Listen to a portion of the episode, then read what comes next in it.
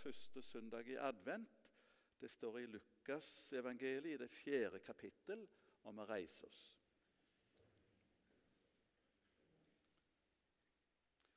Jesus kom også til Nasaret, hvor han var vokst opp, og på sabbaten gikk han inn i synagogen slik han pleide. Da han reiste seg for å lese, rakte de ham profeten Jesajas bok.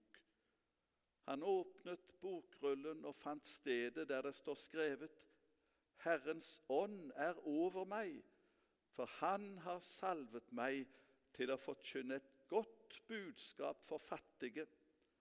Han har sendt meg for å rope ut at fanger skal få frihet og blinde få syn igjen, for å sette undertrykte fri og rope ut nådens fra Herren.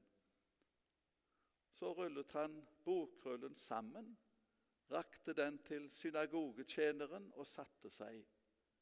Alle i synagogen stirret spent på ham. Han begynte da med å si, i dag er dette skriftordet blitt oppfylt mens dere hørte på.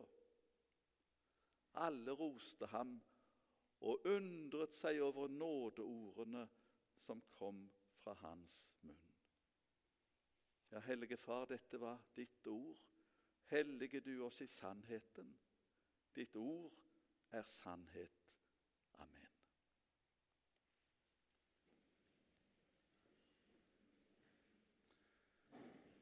Det må ha vært ganske løye å være i Nasaret og høre Jesus tale for første gang.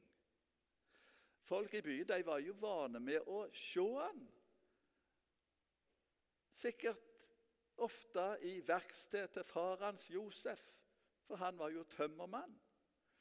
Og jeg er sikker på at Josef hadde tatt med seg Jesus når han var ute og bygde rundt omkring i byen og der det var arbeid å finne. Når Jesus kom nå tilbake til Nasaret, så sprang kanskje ungene imot han og sa, 'Hei, du har jo bygd huset vårt. Vi kjenner deg.' Og Jeg er sikker på at Jesus kjente de igjen og hadde tid til å stoppe og prate med dem. For slik er jo Jesus. Men nå hadde han vært vekke en stund. De hadde nok hørt mye om han. Når Jesus ble døpt i Jordanelven, da hadde alle som var der, hørt ei røst ifra himmelen. Det var Guds egen klare stemme som sa, 'Dette er sønnen min, han som jeg elsker, han som jeg har velbehag i.' Det er ikke løye at folk snakket om det. Tenk Jesus ifra den lille byen Nasaret. Og så hadde de kanskje hørt òg hvordan Jesus ble frista ute i ørkenen. Han ble sett på prøve etter prøve for å bli sterke nok til å klare presset i det arbeidet som han nå skal begynne med. De som blir så mye omtalt som Jesus var, kan nok gjøre hva som helst for å bli enda mer populære. Men det var ikke derfor Jesus kom til verden. Han kom for å forkynne et gledesbudskap for fattige og for å sette undertrykte fri. Da er det lett å få motstand. Motstandere som kanskje også setter ut falske rykter. Fake news har blitt et begrep, ikke minst i USA det siste året. Og Vi ser jo hvordan samfunnet har blitt polarisert, og hvor lett det er for de mektige å bli sjølopptatt og si det er bare jeg som har rett. Derfor måtte Jesus trenes i å stå imot sjølopptattheten ute i øyemarkedet mens han var der. I 40 dager åt han ingenting. Han ble sikkert voldsomt sulten. Og så kom djevelen og frista han. Og Jesus fikk jo prøve seg i tre fristelser. Og vi vet at han senere fikk god bruk for denne treningen. Først ble han frista til å trudle fram mat. Han kunne jo gjøre under, for han var Guds egen sønn. Men djevelen frista han til å gjøre et under som ikke var til hjelp for andre enn han sjøl. Så frista djevelen han til å få makt på en lettvinte måte. I plassen for å gå hele den lange, tunge veien til Jerusalem og til korset. Og til slutt frista djevelen han til å sette Gud på prøve for å se om Gud ville støtte han i alt det han fant på. Djevelen ville at Jesus skulle kaste seg ut ifra en høy mur for å teste Gud. Men Jesus visste at Gud ikke hadde sendt han til jorda for å gjøre tryllekunster. Når Jesus var ferdig med disse prøvelsene ute i ørkenen, da var han klar til å begynne på oppdraget som Gud hadde gitt ham. Da var han ferdig. Og han reiste til den aller vanskeligste plassen, nemlig Hima i Nasaret, der alle kjente han. De håpte nok at Jesus skulle kaste glans over byen deres. Og Derfor var det om å gjøre for Jesus å fortelle dem hvorfor Gud hadde sendt ham til verden. Og Det første Jesus gjorde, da var å lese denne gamle profetien. 700 år gammel er den. Han visste at mange av de som var der, de kunne disse ordene. Og de lengta etter at det skulle bli virkelighet. Herren Gud, Guds ånd, er over meg, leste vi i teksten.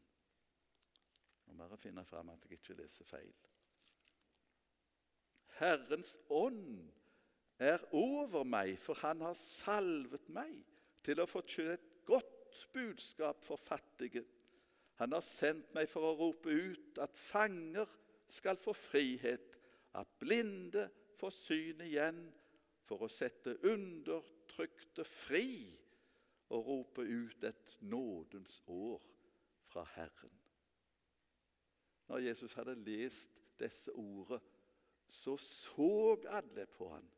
For han hadde jo lest akkurat det som de hadde håpa på og venta på i mange hundre år.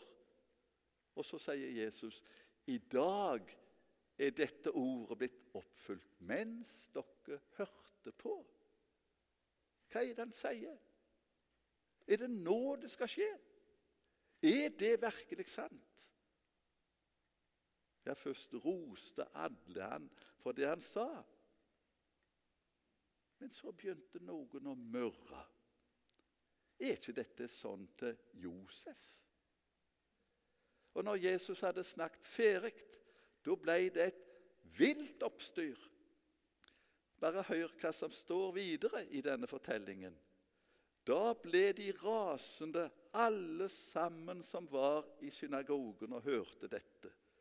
De reiste seg og drev han ut av byen, ut mot et stup, ned fra fjellet der byen deres lå, for å styrte ham utfor.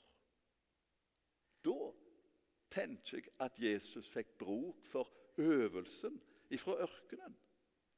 Tenk om Jesus hadde hoppet utfor stupet og landa elegant nede på sletta. Ja, da hadde de fått seg en overraskelse. Da hadde de fått se hvem han virkelig var. Han var ikke bare sønn til tømmermann Josef. Nei, han var Guds egen sønn.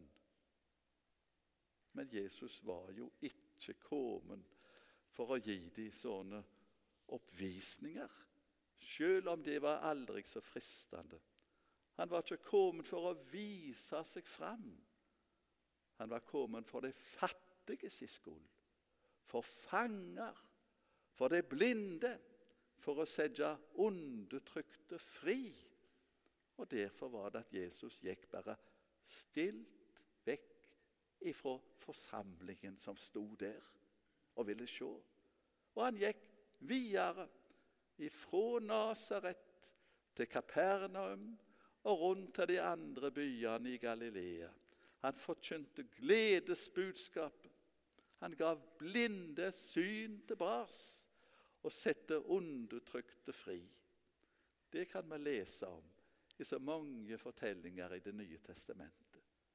Og så gikk han til slutt den tunge veien opp til Jerusalem, til kors og død og oppstandelse. Og så sendte han disiplene ut med gledesbudskapet og Guds kraft til alle verdens kanter. Helt til verdens ende sendte han de. Og etter tusen år kom disipler òg til vårt land, her i Norge. Og nå, akkurat denne dagen, sitter vi her på Vea og hører gledesbudskapet og Jesu tale i Nasaret. 2000 år etterpå. Gjennom alle disse årene har én etter én fått høre det fantastiske budskapet. Nå er det vi som har det, og vi som skal gi det videre til andre. Det er første søndag i advent i dag. Nå skal vi ha fire uker med adventstid før vi skal feire enda en gang Jesu fødselsdag. Det blir nok ei annerledes adventstid enn vi pleier å ha det, med mindre flotte samlinger og færre folk som vi er sammen med. Men kanskje det nettopp derfor òg blir litt lettere å feste øynene på de som Jesus minner oss om denne dagen. De fattige, fangene, blinde og undertrykte. Og ikke så mye på oss sjøl. For det er lett å bli sjølopptatt i denne tida. Det motsatte av sjølopptatthet, det er jo kjærlighet. Og ønsker for oss alle ikke bare vi som er samla her i dag, og ikke bare de som ser på heller, men for oss alle i vår bygd og i vårt land. At vi kunne få ei rett og god adventstid der vi både kan gi kjærlighet og ta imot kjærlighet. En av de som har vist verden hva kjærlighet virkelig er, det er mor Teresa, som var misjonær i India et langt liv. Og Nå skal vi til slutt få høre ei bønn som hun har skrevet. Den vil Astrid lese.